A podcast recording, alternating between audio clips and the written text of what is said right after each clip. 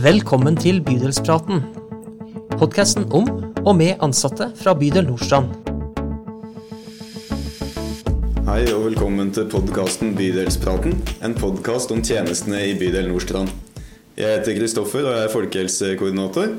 Og I dag skal podkasten handle om miljøretta helsevern. Og med meg for å snakke om det har jeg Andrea Danmark og Eva Kristin Krogh. Velkommen til dere. Takk for det. Kan ikke dere begynne med å fortelle de som eh, hører på, litt om eh, hva miljøretta helsevern egentlig er? Mhm. Da jeg begynte å jobbe i kommunen, i hvert fall, så var det helt nytt for meg. Så det regner jeg med at det er det for, eh, for mange av de som hører på også. Ja, skal prøve å forklare det. Eh, Man kan jo si at miljørettet helsevern eh, enkelt forklart handler om to ting. Det handler om å bidra til gode miljømessige forhold. Og det handler om å sikre befolkningen mot ulike faktorer i miljøet som kan ha negativ påvirkning på helsen. F.eks. biologiske, kjemiske, fysiske og sosiale faktorer. Og så er det sånn at det er kommunene som er ansvarlig for å følge opp det her. Og miljøet miljørettet helsevern det gjelder både for private og offentlige virksomheter og eiendommer. eh, Hvis det er sånn at det er forhold som kan ha en negativ innvirkning på helsen. Da. Eh, Hvis det f.eks. er noe som gjelder en privat bolig, eh, så er det en forutsetning av at det er noe som kan eh, ha innvirkning på omgivelsene rundt boligen. Da. Ok? Eh, Og ofte så sier man at miljørettet helsevern det stopper liksom ved dørterskelen. Eh, så det gjelder ikke for det man kaller for privatrettslige forhold. Eh, det må være noe som eh, altså, påvirker befolkningen eller flere personer, da. Eh, og det er tenkt som et sikkerhetsnett. Det betyr at eh, man skal først se om man kan løse saken innenfor annet gjeldende regelverk, som f.eks. plan- og bygningsloven eller arbeidsmiljøloven. Ja. Så det er på en måte noe som eh, Det er en slags beskyttelsesfunksjon for folkehelse i bydelen. Og det er jo eh, litt sånn overordna, det du forteller om nå. Men, men hva er det som er inni der? Hva, hva er det egentlig miljøretta helsevern handler om? Hvordan ser det ut? Eh, ja, jeg skulle bare si en viktig ting først, eh, tenkte jeg. Og det er at innenfor miljørettet helsevern så er det viktig at man veier de ulike forholdene opp mot hverandre. da. Eh, sånn at man må se de potensielle negative helsekonsekvensene opp mot andre faktorer, som f.eks. Eh, samfunnsnytte, eller hvilke eh, økonomiske konsekvenser det kan ha. Eh, F.eks. hvis det er snakk om støyende arbeid på en jernbane. da. Ja? Eh, så vil jo eh, naboene til den jernbanen kunne oppleve den støyen som belastende. Samtidig som at de som bruker jernbanen i det daglige, er jo avhengig av at det arbeidet blir gjort. Da, for Ja. at det er vedlikeholdt. Mm. Og det er en sånn miljømessig faktor ikke sant, som du, du snakket om. da. F.eks. byggestøy. da. Eh, Jeg tenker jo det at eh, det er liksom som sagt mange som ikke liksom kjenner til miljørettet helsevern. Så det å liksom bare sånn eh, henge det på noen knagger av eh, hva, det, hva det er, det er, er fint, da. Men kan dere ikke også si litt om sånn Hvordan jobber vi i Oslo kommune med, med og helsevern? Hvordan er det organisert? For dere jobber jo her i bydelen. Ja. Så vi gjør jo noe på bydelsnivå, men det er jo en del av et større bilde. Ja. Altså I Oslo så er ansvaret da eh, delt opp, som du sier, på bydelsnivå. Eh, det vil si at hver bydel er ansvarlig for å følge opp de sakene som gjelder bare den bydelen. Eh, og i de ulike bydelene i Oslo så er det ansatt en eller flere helsekonsulenter, som man gjerne kaller det, som jobber med det her. Og de jobber også tett opp mot bydelsoverlegen. Eh, og hvis det er noen saker som gjelder to eller flere bydeler, det man gjerne kaller byomfattende saker, eh, så er det helseetaten i Oslo som er ansvarlig for å følge opp. Eh, og så er det sånn at man har et nettverk med, for miljørettet helsevern i Oslo, med faste møter hvor alle bydelene deltar. Mm. Og der er det helseetaten som er ansvarlig for å koordinere nettverket. Ja. Og helseetaten har også en veiledende rolle overfor bydelene.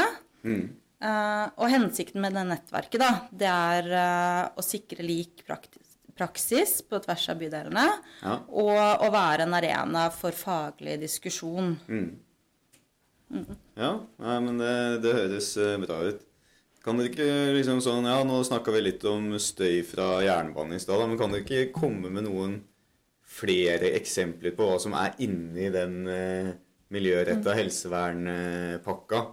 Eh, er det ikke også f.eks. sånn utendørs høyttalerbruk? Er ikke det Jo. sånn festivalstøy, f.eks.?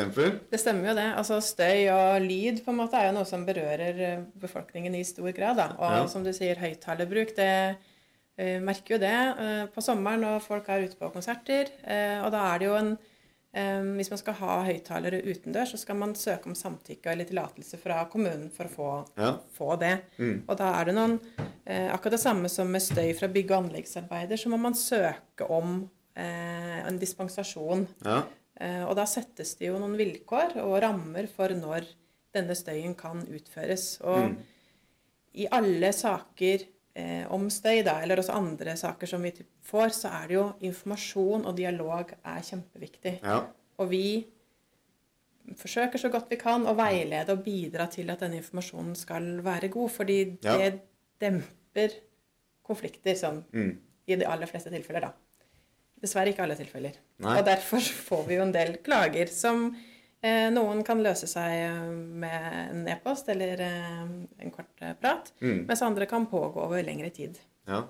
Så både de som eh, bygger og eh, festivalarrangører, da, de er blant de som tar eh, kontakt med dere. Men, men hvem andre er det egentlig som tar kontakt med dere i bydelen for å, å snakke om miljøretta helsevern, da? Vi får jo også henvendelser som gjelder altså, skadedyr, rotter. Det er kanskje noen som har oppdaget at de har øh, sett rotter ute i hagen f.eks. Da Ja.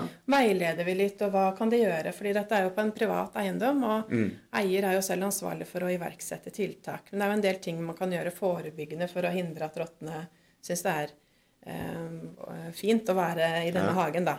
Eller så er det også dette med søppel. Ofte så får vi, vi kan få henvendelser om at søppelkasser eller søppelbøtter ikke har blitt tømt. Eh, og i slike tilfeller så kan det jo være at eh, vi videresender det til renovasjonsetaten, som jo må følge opp, eh, Ja. opp det. Men det er jo mange av de henvendelsene vi får, handler jo om at vi må veilede og, og forklare litt hvordan det hele henger sammen. Mm. Eh, og så følger vi opp de eh, sakene som vi kan gjøre innenfor eh, lovverket, med, med å be om redegjørelse. For det er viktig at Ja. De, som, si de som støyer, da, de skal jo også få anledning til å uttale seg og forklare hvorfor de må gjøre det de gjør. Mm. Ja. Og så noen da tar kontakt, og så søker man, og så får man litt veiledning. Men, men hva, skjer, hva skjer da?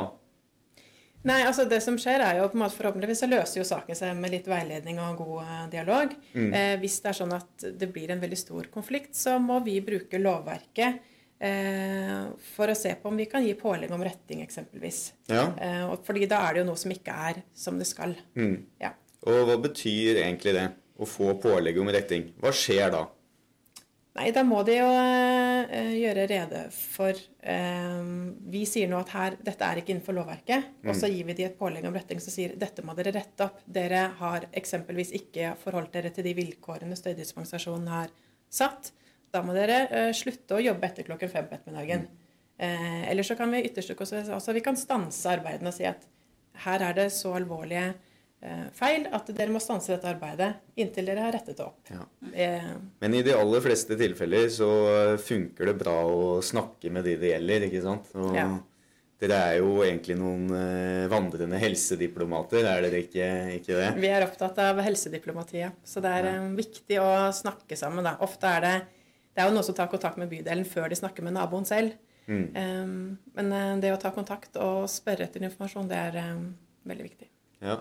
Vi må begynne å gå litt eh, inn for landing her. Jeg skulle egentlig ønske at vi kunne, kunne snakka litt eh, mer om dette. Så, men dere gjør jammen mye, mye rart for å passe på at befolkningen vår har det bra.